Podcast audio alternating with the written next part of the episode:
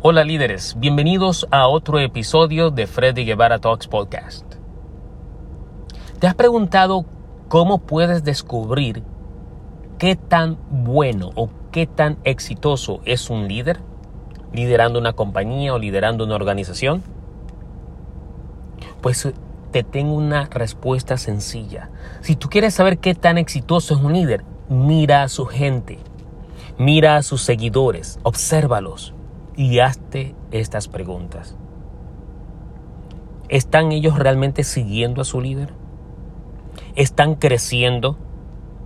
¿Están cambiando? ¿Están mejorando? ¿Están teniendo éxito?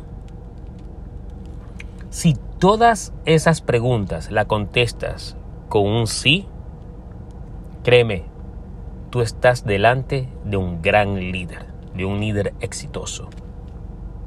Si algunas de esas respuestas es no, pues bien, ya tú sabes, si quieres trabajar con mejor liderazgo, tendrás que buscar otra organización. Así que en la próxima vez que estés trabajando en tu propia compañía o en otra, o vayas a visitar una compañía, date cuenta y si tú quieres saber qué tan bueno es el líder de la organización, observa a su gente, observa a sus seguidores, hazte esas preguntas, y tendrás claramente la respuesta.